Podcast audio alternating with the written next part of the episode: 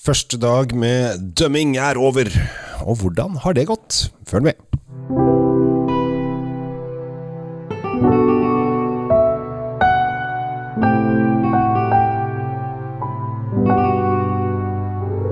Hei og hjertelig velkommen til eh, en ny episode av Kjell Svinkjeller. Jeg befinner meg i Deidesheim in Pfalz in eh, Deutschland, eh, som betyr tysk, Tyskland. Og her er jeg vindommer sammen med en bunch av andre vindommere.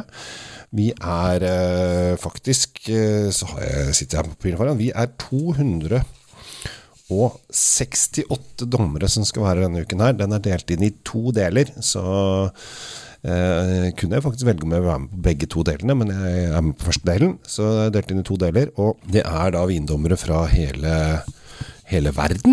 Eh, til og med fra India er det kommet folk. To fra Israel.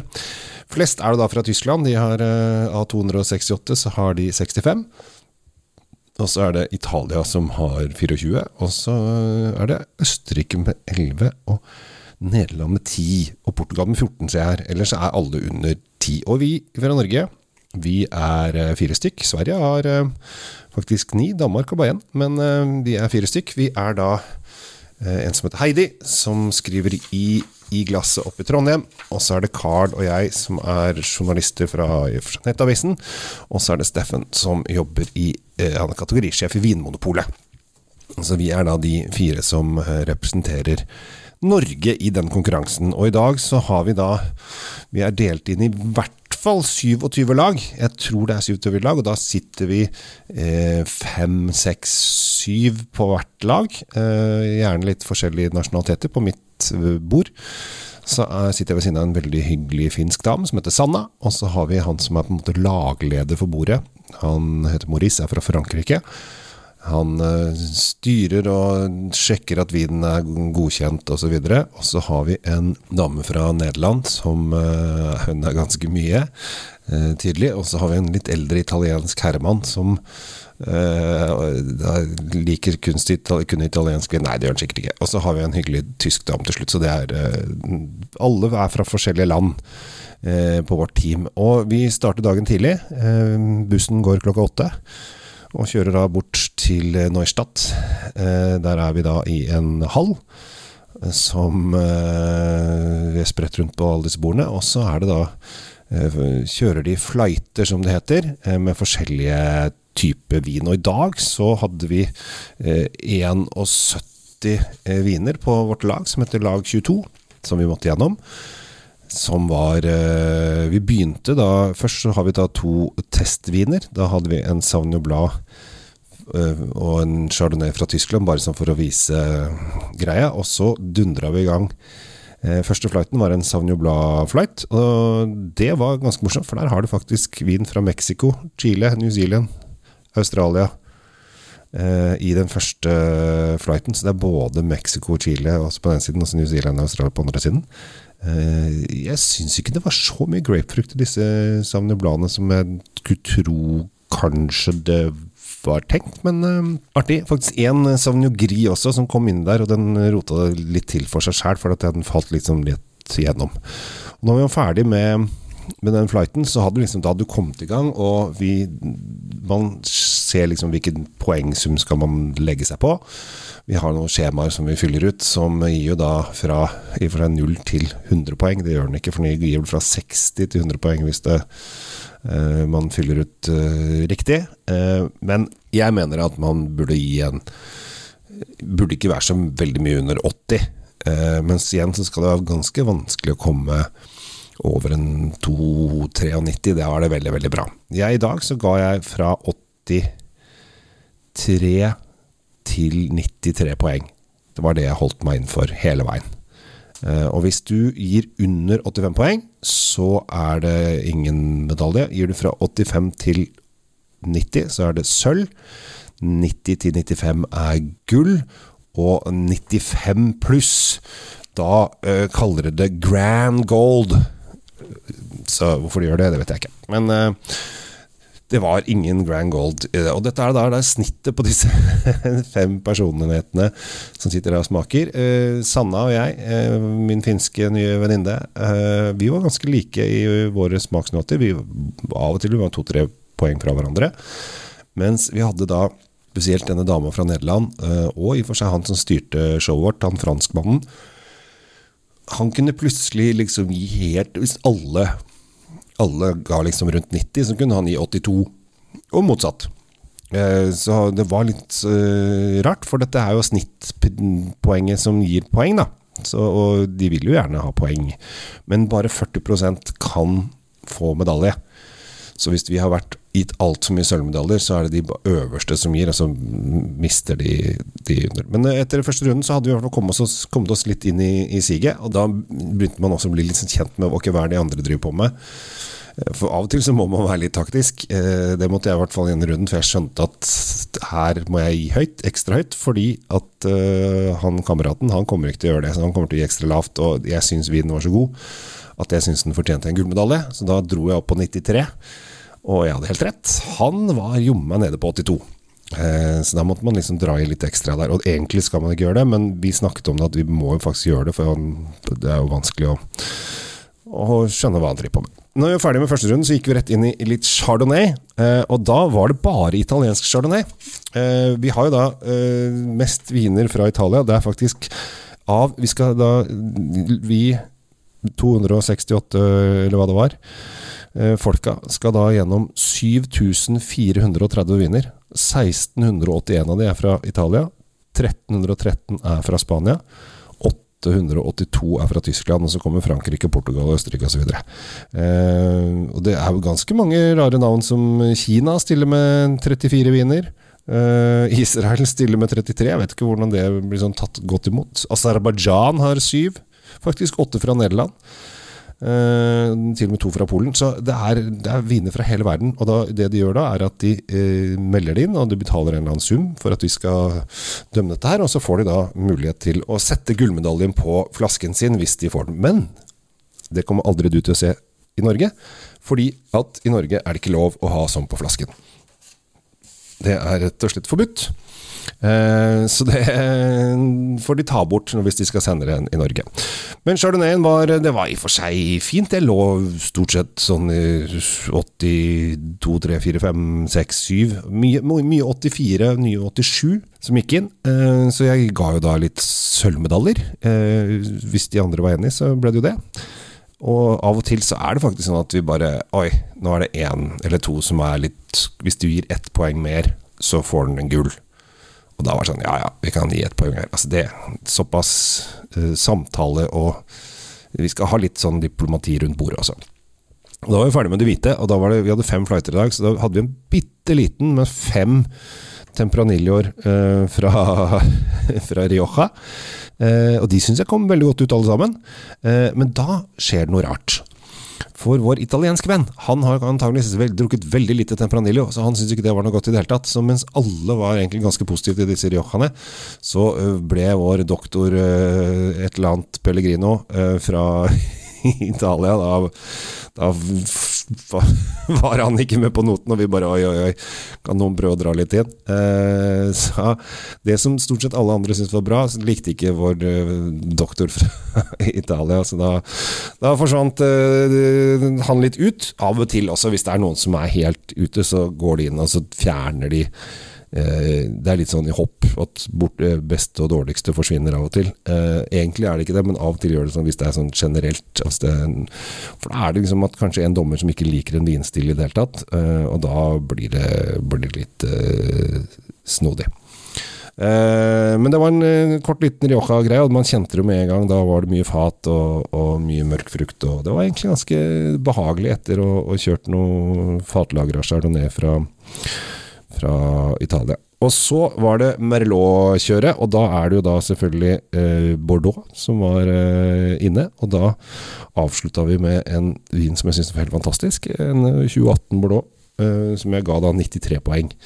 Den måtte jeg da opp på, for jeg visste jo at eh, da var det vår franske venn som ikke ville være med på leken der, som uh, var nede på 84 og så videre. Så, men der var vi var flere som skjønte at dette her måtte bli en gullmedalje til denne Melo Caberneten fra, fra Bordeaux. Det var vi sånn så på man så på hverandre, liksom, og bare ok, nå, nå, må vi dra på litt. Før vi hadde en eh, litt sånn snodig avslutning, og, og, og det var da en hel haug med eh, Negro Armano-viner. Det vi får vite da når vi, vi får disse flightene, vi får vite hvilken drue hvis det er én drue. Hvis det står Cuvé, så får vi vite hoveddruen stort sett, så Cuvé Merlot står det ofte. Og så får vi vite årstall, og om de har vært på fat eller ikke. Ehm, det er det vi liksom eh, får med oss. Ehm, på Negro Armano. Og så får vi også sukkerinnhold. Så her fikk vi da beskjed om at dette var Negro Armano med 12 eh, gram sukker. Eh, og det, da blir det, der er det ganske varmt. Og Negro Armano er en mørk og kraftig drue, så da ble det litt sånn nesten sånn sødmefylt på slutten. Som jeg egentlig er en vinstil som jeg ikke syns er noe god i det hele tatt. Men uh, vi kom oss igjennom, og jeg var, jeg var nok kanskje litt strengere enn uh, en vanlig. Uh, eller jeg, syns ikke det er så digg, så da jeg, måtte jeg heller bare finne ut er det en god kvalitetsvin fra Negro Amaro. Men da var jo vår italienske venn Da var han helt i hundre igjen, for da skjønte han at nå er han på hjemmebane. Så, så da var han storkoste seg og ga høye poengsummer. Så det er Men det er utrolig lærerikt. Du møter folk fra hele verden som eh, du kan diskutere vin med. vi er nok litt sånn at vi skandinaviske henger litt sammen sammen. Vi snakker mye med svenskene og vår finske venn og venninne. Og eh, vi nordmennene har vært litt sånn sammen. Men så henger vi litt med noen utlendinger andre, fra andre land også. Og dette begynte vi da Vi holdt på da fra halv ni var vi i gang eh, i hallen og holdt på til ett. Og så har vi hatt lunsj, og nå eh, har vi tatt en liten pause. Eh, og så skal vi nå eh, har jeg ordnet et eh, vingårdsbesøk. Eh, vi skal til Ahamagin i Forst, som er da en halvtime å gå her fra Deidesheim. Så tar jeg med meg da de norske og hun fra Finland. To fra Finland. Og så skal vi ordne at vi skal på vinsmaking der borte. og kanskje vi får en matbit også, før vi tusler tilbake igjen på eh, hotellet eh, i kveld. Og så her går bussen igjen i morgen tidlig klokka åtte også. Og da blir det spennende å se hva man får da, for det er jo veldig mye forskjellige viner vi skal gjennom av ymse slag. Det er faktisk eh, flest stilleviner, men også er det noe sparkling. Um, det er noe fortified, som de kaller det, altså portvin, sherry og sånne ting. Og det er faktisk 187 non-alcoholic. Så det er jo spennende. Men uh, eh, 6500 av de er jo da stillevin. Og jeg tror det er sånn at to grupper, eller to lag, får de samme flightene. Uh, så de har delt opp sånn uh, at det ikke er bare ett lag som, som kårer vinen, men det er, det er, to lag som har mulighet til å, å kåre vinen. Og jeg har, har Dere som ikke følger Vinkjell på Snap, så må dere gjøre det. Eh, så jeg var jo da og ville gjerne filme backstage, men fikk ikke lov til. Da gikk han sjefen sjæl bak og filma for meg. Eh, for det er veldig hemmelig om hvilke, hvordan de gjør det. Sånn, men han, Jeg fikk ikke lov å gå bak det selv, men han filma. De har, de har faktisk tre store trailere fulle av vin. Der den ene traileren har tre grader. Eh, nei, åtte grader. Den andre traileren har 13 grader. Eh, og den siste traileren har 13 grader. Og så har de all vinen inne der. Og så går de og henter ut den. Og så har de eh, to flasker av hver. Eh, så hvis den ene er korka eller noe feil med, så kan vi be om en ny flaske. Og det gjorde vi tre ganger i dag av 70 og noe viner. Så det var ikke så mange som var, eh, var feil med. Og det er jo veldig fint.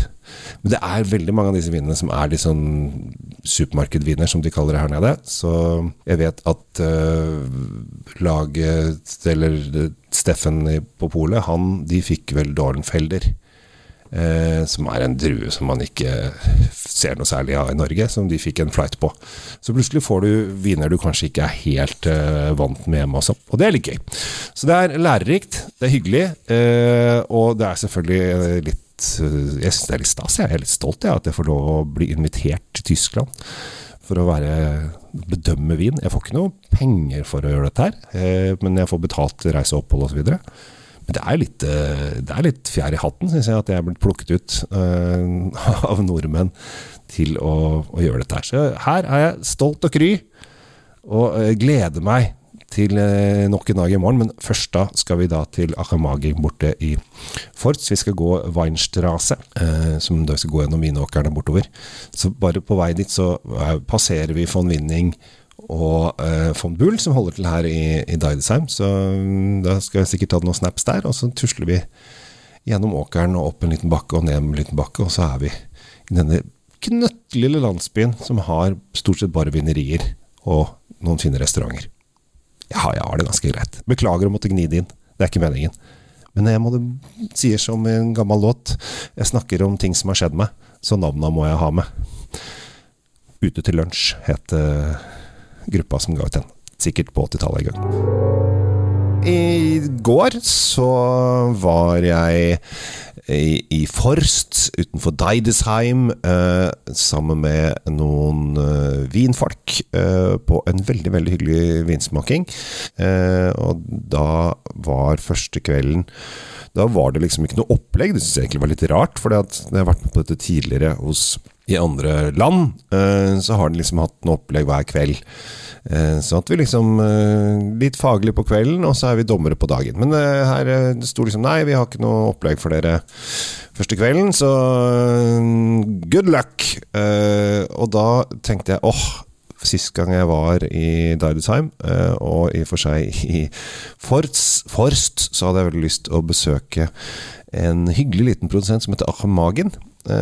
Og det fikk jeg ikke gjort sist, så da sendte jeg en mail til importøren og lurte på om eh, det gikk an å komme på besøk der. Og så tok jeg med meg da to finske vinjournalister, og så tok jeg med meg to norske, så vi var fem stykker. Så tusla vi bort da til Achamagi. Og da går vi på noe som heter eh, Deutsche Weinstrasse, den tyske vingata. Eh, så tusla vi gjennom rett og slett vinåkrene. En liten sånn asfaltvei er det, så det er liksom ordentlig lagt opp. Så hvis du har lyst til å å tusle litt i vinåkre, eller kanskje sykle kanskje enda bedre, så går det an å ta German, German Weinstrasse, Deutsch Weinstrasse, Tysk vintergata. Hør, jeg kan, jeg kan så mange språk. Eh, og så kan dere sykle den og liksom stoppe på vingård og vingård og vingård, vingård bortover. Eh, og da eh, går vi gjennom, for at de mest kjente eh, vingårdene i Dardesheim, vinåkerne i Dardesheim, de ligger egentlig i Forst, som ligger da Altså, det er fra hotellet til vi var fremme, så tok det 25 minutter å gå. Eh, det er, så det er en liten vandring. Det er fire kilometer eller noe sånt. Men de viktigste vinåkrene, og de mest kjente vinåkrene i, i Deidesheim, ligger da egentlig i den bitte, bitte lille landsbyen Forst. Eh, der ligger Pekstein og uh, Unge Hoier og osv. osv. Som er kjente, veldig kjente vinåkre. Uh, og når vi kom bort da og banket på døra hos Achamagen, så møter vi da en gammel mann og en gammel dame. Det vil si at de er i 70-åra. Mannen så ut som han var veldig gammel. Dama ville tippe at det kanskje var i 60-åra, så hun så ikke så gammel ut. Og de tok veldig godt imot oss. først så fikk vi smake på den vanlige Rieslingen deres. Og så sier hun kanskje vi skal ta en tur ut i Vinåkeren. Det tar en halvtimes tid, så kan vi gå en liten runde rundt. Og disse holdt jo vegg, vegg i vegg til kirken. Eh, så da blir jo da eh, Vinåkeren, som eh, f.eks. heter Kirkenstykk, den eh, er jo da rett utenfor eh, eh døra. Og Jesuitgarden ligger også der. Så da tusla vi gjennom, og så viste hun de forskjellige vinåkrene de har noen planter i. For de, her nede så er det gjerne flere produsenter, 8-10 produsenter som kan dele én vinåker. Da har de kanskje en fire-fem rader hver. Og Så var vi ute og titta på de forskjellige, og så snakket hun litt om jordsmonn. At de hadde tre forskjellige typer jordsmonn. At det var eh, limestone, og, og det var kalk, og så var det vulkansk i jordsmonn. De forskjellige. Og det, dette her er Du må rett og slett stå og se på dette her, ellers så skjønner du det ikke. Eh, for dette ligger Altså, vinåkrene ligger i og for seg helt inntil hverandre, men ene har da én eh, et jordsmonn, og den andre har et helt annet jordsmonn. Som gjør at Rieslingene også blir ganske forskjellige. Og så fortalte hun da at dette er da en familieeid eh, vingård som holdt på siden 1722. Eh, eller 1730. Ja, 22, 1730. Det var tidlig 1700-tallet. Eh, og det var nå ellevte generasjon som hun var. Eh, og grunnen til at jeg startet med at hvis du har lyst til å arve en vingård, så har ikke de noen arvinger, direkte arvinger. Så, uh, men det var snakk om kanskje at noe tantebarn eller et eller annet sånn skulle overta osv., men hun var veldig usikker på hva som kom til å skje med fremtiden. Så hvis du har lyst på en fantastisk sjarmerende liten vingård i, i Forst, eh, som produserer sånn 70 000 flasker i året eh, Jeg spurte Carl som var med, som han var keen, for han er jo typisk sånn som er veldig opptatt av sånt. Han bare Nei, det blir for lite. Det blir for lite. Så, eh, men hvis du er en sånn som bare vil ha en sånn liten, fin vingård, så inninn deg hos dette hyggelige ekteparet, så kanskje det kan bli deg. Du må nok jobbe ganske mye for det, da. Men uansett, vi eh, tok en runde rundt, og dette området har både vært under fransk eh, eie og under tysk eie. Det har vært litt sånn frem og tilbake. Napoleon var inne og herja her. Og så har de eh, nå vært tyske veldig lenge, da. Eh, faktisk eh, siden 1815. Napoleon forsvant ut, så har de vært tyske siden det. Uh, og det har de papirer på, så de kunne, kunne, vise hvor lange linjer de hadde. Og så kom vi da tilbake igjen uh, til uh, vineriet. De har en liten restaurant som vi satt i, det var der vi hadde smakingen. Og smakte gjennom da en hel drøss av rislinger og litt rødvin også. De lager faktisk en portugiser.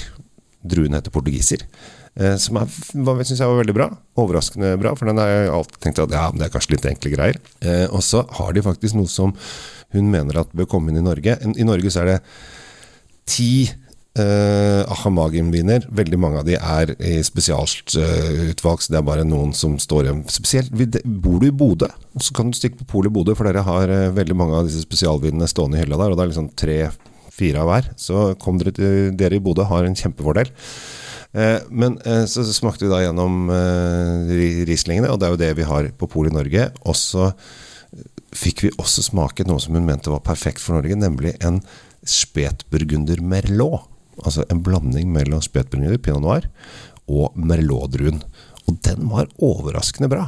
Eh, og jeg skjønner hva hun mener med at dette her tror hun kan passe godt i det norske markedet. Men importøren i Norge har ennå ikke kastet seg over eh, bølgen. Men nå skal vi se, da, om vi kanskje får ham på glid Eh, eller de, de er flere. Men eh, han som hun snakker mest med, kanskje kan få han på liv. Men det er litt gøy også når man er i utlandet og utfordre seg selv litt og få smake litt nytt. da. Eh, sånn som spetburgunder melot eller portugiser. Eh, som er eh, druer som vi ikke møter så ofte på hjemmebane. Så det var kjempegøy. Så er du i nærheten av Deidesheim, eller har lyst til å dra i dette området her, så må du dra innom Ahamagen. Jeg fikk så mye skryt av våre finske venner i dag. Som takket, kunne ikke få takket nok for hvor heldige de følte de var som fikk lov å være med eh, på den opplegget som jeg hadde fiksa. De syntes det var så utrolig gøy. Eh, og det sa de norske som var med også. Så jeg fikk masse skryt. Og jeg er, jeg må innrømme det, jeg liker å få skryt, jeg. Jeg syns det er kjempegøy å høre at eh, folk syns jeg er flink. Så da blir jeg glad, og nå kan jeg fortelle det til deg. Og det er ikke skryting, det er bekreftelse. Nemlig. Så øh, min øh, lille podkast i dag er rett og slett øh, Ahamagin. En fantastisk familiehistorie tilbake til 1700-tallet, som lager veldig flotte, elegante Rieslinger i noen av Tysklands mest kjente vinåkre. Og vi snakker om at vinene koster fra en 200 og noen kroner. Eh, faktisk Den billigste koster faktisk under 200 kroner. Og så ligger de på en sånn 250-300-400 kroner flaska. Så eh, noen vil kanskje si at det er litt dyre, men dette her er skikkelig kvalitet for penga. Så eh, smak på det. Eh, og som hun sa, dette her eh, passer til veldig mange gode retter som vi er vant med i Norge. Og så må jeg bare fortelle en ting. Vi fikk jo også mat. Hun bare Ja, jeg hørte dere er sikkert sultne. Og jeg bare ja, ja. ja vil dere ha noen tysk eh, tradisjonsmat som er fra området? Ja, det vil vi gjerne. Og da får du sauermagen. Sauermagen er eh, fylt svinemage som er stekt som en Ser ut som en litt sånn tjukk uh, hamburger. Uh, bare at det er masse forskjellige poteter og masse forskjellig inni. Og så fikk vi selvfølgelig bratwurst, sauerkraut, og så fikk vi en leverdumpling. Uh, som var en svær ball. Som så, den så ordentlig sånn der grå ut. Så vi tulla litt med fargen, at dette her eh, har samme farge inn som den skal ut, holdt jeg på å si. Eh, den, var, den så skikkelig sånn der lite appetittvekkende. Men det var kjempenydelig. Var kjempegod mat. eh, Og passa veldig godt til både eh, Rieslingen i og for seg, eh, men ikke minst da portugiseren eh, og denne spetburgunder Melot. Så kanskje det er det som er den nye greia. Spetburgunder Melot. At vi kommer til å få mer av det i Norge. Jeg vet ikke. Et sted må man begynne. Tyskerne er veldig gode på spetburgunder. Kanskje de skal begynne med litt mikser også. Men kom deg på polet og smak Achen Magen, og så setter du deg på flyet, eller tar Kiel-båten, eller finner hvordan du har tenkt å komme deg ned til eh, Fals. Og så drar du på besøk og møter denne fantastiske, sjarmerende lille familien som har da et, hu- Huset er fra 1700-tallet, så det var litt sånn skrått og eh, rart og fint. Og, ja, det var veldig sjarmerende. Så jeg, jeg ble bare Jeg kommer til å huske det oppholdet og den kvelden de hadde i går. Den kommer til å huske lenge. Egentlig tenkte jeg at jeg skulle lage podkast når jeg var der. Men så følte jeg at jeg, jeg vil ikke ødelegge atmosfæren nå ved at jeg skal liksom gå og sette meg i en krok og prate. Eh, så det var bare å nyte. Og det er viktig. Nyt livet. Det er min oppfordring til deg. Jeg befinner meg i uh, Didesheim in Fals, og i dag så er vi ferdig med dag to av um, denne smakingen som vi, um, vi er uh, med på her nede. Eh, og det har vært en, eh, en spennende dag, vil jeg si.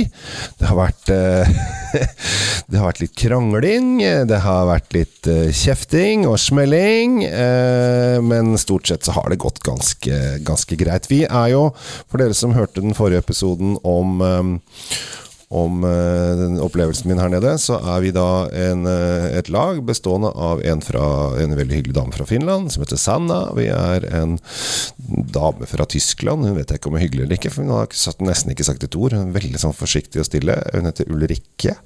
Eh, Så har vi en italiensk mann som heter doktor et eller annet. Eh, Og så har vi Maurice, som er fra Frankrike, som er en godt voksen mann, som er på en måte leder for gruppene vår. Så har vi en eh, veldig snakksalig en dame fra Nederland, som er liksom vårt eh, team. Og i dag så har vi hatt eh, en eh, i- litt sånn Ja, vi har ikke vært helt enige, da. Og det er fordi at eh, vi har hatt en litt sånn sur italiener på dette laget vårt. Og han har bare vært sånn Altså For å få medalje så må du også få over 85 poeng. Han har liksom sånn 83, 84, 83, 84, 83, 84 hele dagen. Eh, og liksom ikke er villig til å rekke seg noe som helst sted. Eh, og det mistenker jeg er at i dag så hadde vi ingen italienske viner. Vi hadde faktisk ikke viner altså fra området eller druer som de bruker i Italia. Så jeg tror rett og slett han ikke helt vet hva det er.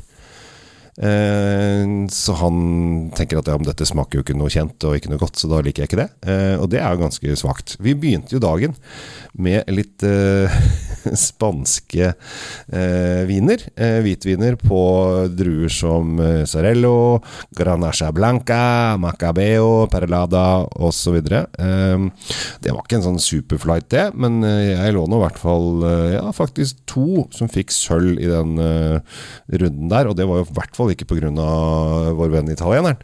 Han var jo ikke så vanskelig, og så kom, eller han var bare vanskelig. Og så kom vi over på en bitte liten tysk Riesling-flight, og der, der, der, da likte den det i hvert fall ikke. Da var jeg liksom oppe på 90 Nesten 90 poeng på alle, altså gullmedalje. Det var én som ble gullmedalje, fordi at alle de andre var enige med meg. Eh, mens eh, stort sett var ingen enig med vår italienske eh, mann men vår finske dame Hun ble så irritert. Bare 'Hvordan kan dette gjøres?' Eh, hun snakker også litt svensk, eh, som passer greit svensk. Så Og han eh, Jeg tror ikke han egentlig skjønner så mye nei, engelsk, han er eh, italieneren vår. Han skjønner nok litt, men han snakker alltid fransk. Og det skjønner ikke jeg nå. Eh, men når vår finske venn har lyst til å få ut litt frustrasjon, så snakker vi jo svensk sammen, og det er jo litt morsomt. Og så ler vi alltid på slutten for å late som at vi sier noe hyggelig. Men det har vært litt frustrasjon rundt det. For det er jo veldig fint om vi En ting er at vi kan gi gode karakterer til gode viner, men når liksom fem, fire av fem er enig, og så er det bare én sånn sutrefyr fra Italia som sitter liksom og ikke vil rikke seg på noe som helst, så blir det liksom Jeg føler at det blir et feil. Eh, men det, da må vi liksom kompensere litt, for hvis du vet at han gir veldig dårlig, så må vi liksom dra på litt ekstra. Eh, og det blir også litt feil, så da, det er liksom vanskelig hele greia der. Men vi kommer i hvert fall gjennom eh, noe Riesling, og de syns jeg var faktisk veldig, veldig fine. Vi får jo aldri vite hvilke produsenter det er. Vi får vite Riesling hvor den kommer fra etter hvert.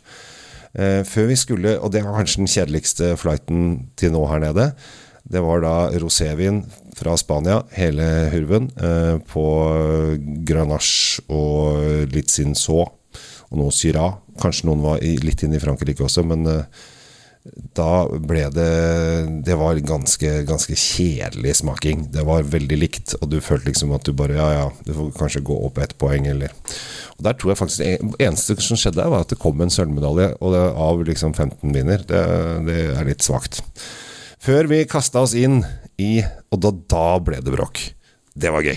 Eh, da var det Rioja og Tempanello, og det tror jeg eh, både han eh, franske sjefen vår og han italienske mannen Det tror jeg ikke de kan en dritt om, eh, må jeg bare innrømme.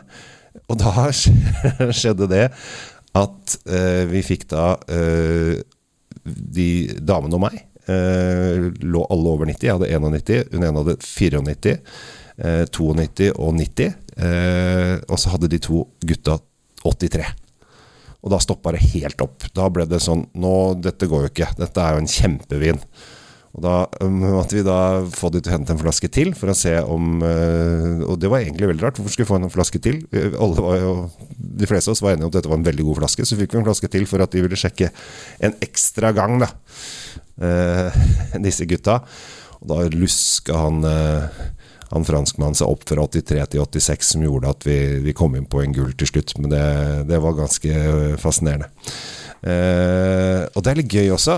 Og det blir jo liksom diskusjon rundt bordene. Og, og, og, så snakker vi med de andre teamene og hører på hva de har smakt på osv. Og, så og så sier vi at vi har hatt sånn Ja, nei, de er alle enige at alle har eh, noen som på en måte går litt i forskjellige retninger. Da, og det er i og for seg greit, for vi kommer fra veldig mange forskjellige land. Jeg tror det er 54 forskjellige land, og vi har veldig, veldig forskjellige vinbakgrunner. Og mange eh, smaker nok bare vin fra sitt distrikt, eh, og andre er flinkere til å smake fra hele verden. Og vi fra Norge, eller fra Norden, er jo selvfølgelig mye flinkere på det, for vi smaker jo veldig mye forskjellig vin. Så når jeg snakker om eh, med flere, spesielt han franskmannen, snakket jo litt om at vi smakte jo vin derfra og derfra. For han hadde, det var mange steder han bare Jøss, lager de vin der? Eh, det visste han ikke. Så vi er kjempeheldige i Norge som har den muligheten til å smake så forskjellig.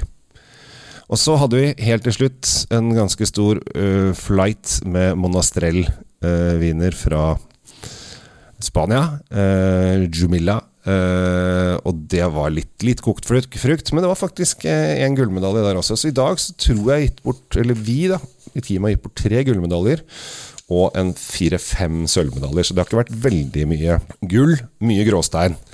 Uh, til dagens vinnere, selv om jeg føler at jeg har vært veldig, ligget veldig mye inn på sølvmedalje. Det har jo ikke du slått gjennom, fordi at vi har hatt en litt sånn sur og vanskelig italiener. Men det er ikke så farlig for meg, for jeg vet jo ikke hvem vinneren er uansett. Veldig mange av disse vinene er sånn supermarkedviner i Europa. Så for mange av disse her så kommer aldri disse vinene, aldri disse vinene til Norge. Eh, men noen vil vi nok få. Eh, men stort sett ikke. Så sånn er det. Så nå er uh, greia at vi skal ut og spise middag. Så vi blir henta. Og dette her er, syns jeg er litt rart. Vi begynner da veldig veldig tidlig her nede. Jeg er jo B-menneske av natur, så det er jo for seg greit nok. Så jeg liker jo ikke å stoppe veldig tidlig, men bussen går klokka åtte. Og vi er i gang med smaking klokka halv ni. Eh, og nå skal vi da ut og spise middag, og da blir vi henta kvart på fem. Og så skal vi være tilbake på hotellet klokka ni. Og så tenker jeg, hvorfor kunne vi ikke begynt klokka ni, og komme tilbake på hotellet på kvelden klokken ti? Altså, hvorfor skal man begynne så tidlig? Men sånn er det nå en gang. I Tyskland så liker de det. Eh, men jeg syns det er bare veldig gøy å få være her. Og veldig mange morsomme bekjentskaper man får eh, fra de forskjellige landene, som er kjempemorsomt. Blant annet så har jeg møtt en veldig artig type fra Sverige, som er vinmaker utenfor Malmö. Eh, og han har veldig lyst til å komme til Norge og holde vinsmaking på en restaurant og vise frem svensk vin. Og Det tenkte jeg skulle prøve å få til med han. Så øh, for dere som er i denne vingruppa mi som heter Vin på Facebook, dere kommer nok til å få beskjed om når vår venn fra Sverige tar turen til Norge for å leke med vin. Og det syns jeg dere bør oppleve. Han er et fyrverkeri i seg selv. Eh, veldig ivrig type. Eh, som som jeg må si jeg, jeg er fascinert av. Han smiler jeg når jeg ser, når jeg ser han, så tenker jeg, smiler jeg. Ja, artig type. Artig type. Og sånne folk er fine. Er fine folk. Akkurat nå så befinner jeg meg inne i et sånt uh, ringerom på flyplassen i Frankfurt. Fordi de er da ferdig med siste dag hos eh, Mondus Vini. Jeg har vært dommer. Eh, nå er vi på vei hjemover. Um, vi skal være på flyplassen her i fem timer, så heldigvis så var det en av de jeg reiste med som hadde gullkort, så vi sitter på sånn lounge, og her var det sånn ringerom som jeg kunne gå inn i. Så jeg føler meg veldig viktig her jeg sitter. Og da har jeg til og med tatt et glass vin. Eh, og her har de faktisk Bottenfield eh, Spanier på glass. Det syns jeg er hyggelig. Uh, for det er uh, sånn det skal være. Uh, en veldig god VDP hvitvinsprodusent, så jeg drikker litt Riesling. mens han andre sitter og jobber litt, så tenkte jeg da kan jeg gå inn i denne bua. Her driver de og ringer. Kan jeg sikkert lage podkast også. Så det er bra. Og da tenkte jeg det passer fint med en liten oppsummering av, av dette dommeroppdraget mitt, som har vært veldig lærerikt. vært veldig fint å bli kjent med veldig mange folk fra forskjellige land. Det blir ofte sånn at de som snakker felles språk, de henger litt sammen. Så vi har jo hengt litt mer med de skandinaviske landene. Eh, svensker og finner. Eh, det er da Norden, ikke Skandinavia. Det er helt riktig. Eh, det skulle være med en danske, men tror jeg, de tror jeg kom i dag. Og så var vi da fire fire nordmenn, og tre av oss drar hjem i dag, og én blir hele uka. og jeg kjenner, kjente i dag at det var helt greit å dra hjem uh, og gå på en helt ny runde uh, med vinsmakingen helt frem til, til lørdag. Det kunne bli litt i det grøvste laget, kjente jeg. Så det var egentlig veldig fint å si at det holdt med, med en halv uke. Um, og det er bra. Og det siste dag har vært um, en, uh, en, uh, en litt sånn kronglete, kranglete dag. Uh, jeg har ikke krangla så mye, da, men det har vært mye uenigheter innad i dette internasjonale laget som jeg har vært med på. Um, og det er veldig snodig at det er en gammel mann fra Italia som bare gir drittpoeng til alt annet enn hvis det kommer noe italiensk. Det blir litt sånn, nesten litt dustete. Men vi fikk vite i dag at den høyeste og den laveste poengsummen ryker, så er den i midten. Så han italieneren har vel kanskje fått én vin som han har stemt på som hans, uh, hans stemme har talt. Ellers har han bare meldt seg helt ut av det hele. Og det er veldig morsomt, for da hisser eh, damer hisser seg opp. Eh, spesielt var det en litt godt voksen nederlandsk dame som syntes at dette var helt håpløst.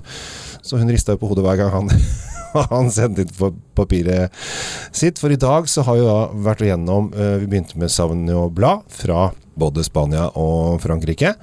Uh, som var uh, Ja, det var faktisk ganske greit. Jeg syns det var flere av de som var, var fruktige. Kanskje jeg likte de spanske bedre enn de franske. og så tok vi en tur med ja, det var ganske krise, faktisk. For da var det da musserende vin, og det er jo musserende vin, kan jo være gøy, det. Men dette var litt sånn lett søtlig musserende vin. Eh, som kan minne litt om, eh, om eh, Prosecco. Men vi var i Moldova, vi var i, i Sør-Tyskland, eh, vi var i, i, i Dolomittene i Italia, vi var i Ukraina.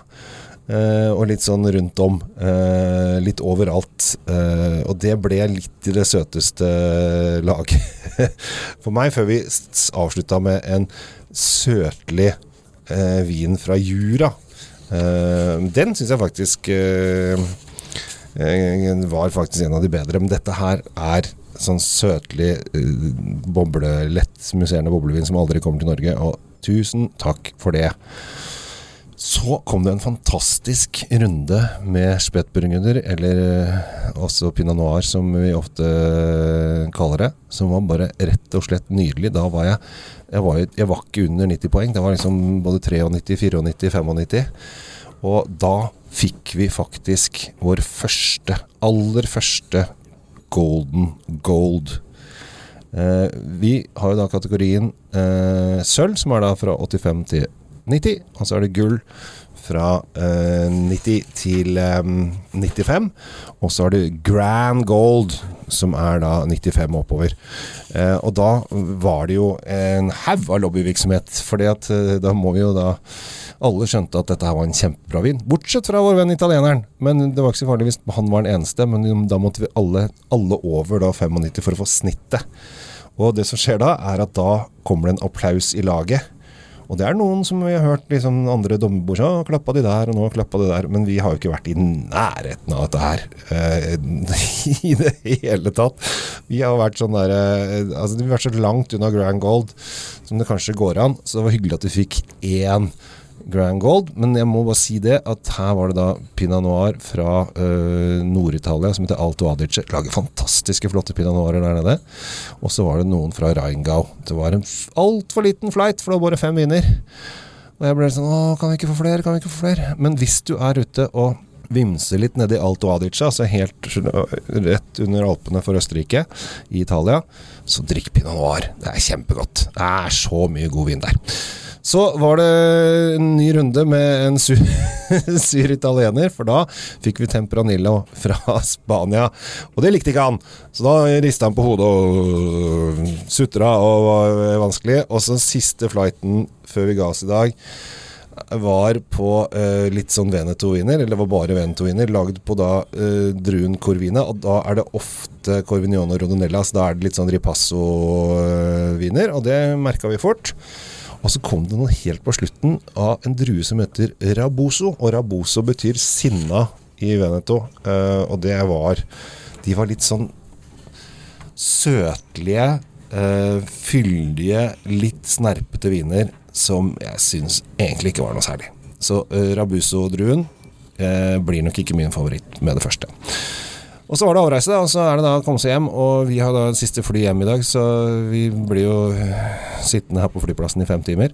Eh, og det går i og for seg fint, eh, for da kan man sitte og diskutere litt om hva har man opplevd, hvem har man møtt. Uh, hvem har man snakket med? Hvorfor har man uh, smakt på det, og hva syns man om det, osv. For her er det stor og det er i motsetning til Norge og norske journalister. Her er det stor uh, overlevelse, utleving av hva man syns om de forskjellige. Det diskuteres.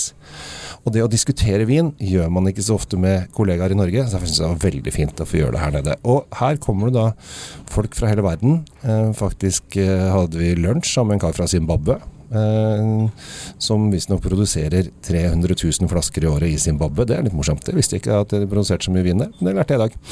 Uh, eksporterer mest i USA, for dere som er interessert. Uh, og så var det en hyggelig østerriker, og vi hadde liksom diskusjon om hva vi syns de forskjellige opplevelsene har vært, selv om vi har vært på forskjellige lag og vi har smakt helt forskjellige ting. Noen har jo hatt dessertviner, den andre hadde en i går visstnok en hel flight med champagne. Mens vi fikk da søtmuseerne fra Veneto, som ikke er eh, Som ikke er eh, er eh, Prosecco. Jippi! Så noen ganger så var man heldig, noen ganger var man ikke så heldig. Men totalopplevelsen Og man må smake de vonde vinene for å smake de gode også. Og så er det det å sette pris og begynne å analysere vin. Mengdetrening er supergøy. Så jeg håper at jeg blir invitert til neste år også. Uh, så jeg får en runde til med dette her. Uh, for det er lærerikt. Og så har vi I går kveld så var vi på avslutningsfest. Og da var vi på en, en middag. Vi var jo 150 stykker. Så hadde de da satt frem tre bord med viner. De har satt med et bord der de hadde tatt frem de røde vinnerne fra en konkurranse de hadde kjørt i Tyskland. Og så hadde de et bord der de hadde satt de hvite vinene ut fra pinot, altså pinot grigio, pinot gris, altså pinot, alle hvite pinot-druer som hadde hatt en konkurranse. Og så hadde de ett bord der de fleste folka gikk for å smake. Og det er litt gøy for oss. Det er da de vinene som vant eh, Mondus Vini Nordic. Altså når de nordiske, bare de nordiske dommerne er med å dømme. Og i fjor sommer så var jeg med på det, og det var i Oslo. Eh, hvor det blir nå Om det blir Helsinki, hadde vært gøy. For jeg har ikke vært i Helsinki på lenge. Eller kanskje Riga. Det hadde vært morsomt, det også. Selv om de kommer med i Nordic. For det, selv om de er eh, både Riga Tallinn og de baltiske landene får også lov å være med. Men det kunne vært eh, morsomt. Men eh, det får vi se om jeg blir invitert igjen. Men uansett så er det veldig veldig spennende og veldig veldig gøy å få lov å møte folk fra andre land som eh, setter pris på vin. Og så bygger man kontaktnett da, vet du. Det er viktig. I hvert fall som jeg, som jobber for meg sjæl, og må sørge for at all inntekt kommer inn. Eh, fra, og dette er en jobb, eh, bare som det er sagt, jeg får ikke betalt for å gjøre dette, så jeg måtte ta fra en hel uke av annen uh, mulig inntekt for å danne hit. Men jeg, jeg får så utrolig mye igjen i kontaktverden av å gjøre det. Så Derfor trenger jeg masse vinjobber hjemme. Så hvis du har lyst på et vinkurs med meg, så tar du bare kontakt med meg på kjellertjelsvinkjeller.no Og så skal jeg komme og holde vinkurs på bedriften din, eller litt sånn forskjell, faktisk. Og så skal jeg til Kristiansand eh, snart og holde et vinkurs der. For det var en som hadde hørt på podkasten min, som syntes det var så hyggelig om jeg kunne komme og holde vinkurs nede hos de. Og da skal jeg gjøre det. Så det gleder jeg meg til. Men eh, husk at jeg kan gjøre det hjemme hos deg også i enten jobb eller privat, eller hva du måtte ønske. Uansett så takker jeg nå for nå. Nå skal jeg drikke litt uh, mer uh, Battenfield-spanier. Skal vi se. Mm. Fryktelig lite glass, da. Men det er fint Lufthansa-symbol på det, så da får det bare være. Så uh, ønsker jeg deg en fin dag videre, og så ses vi kanskje over et glass en dag. Ha det bra!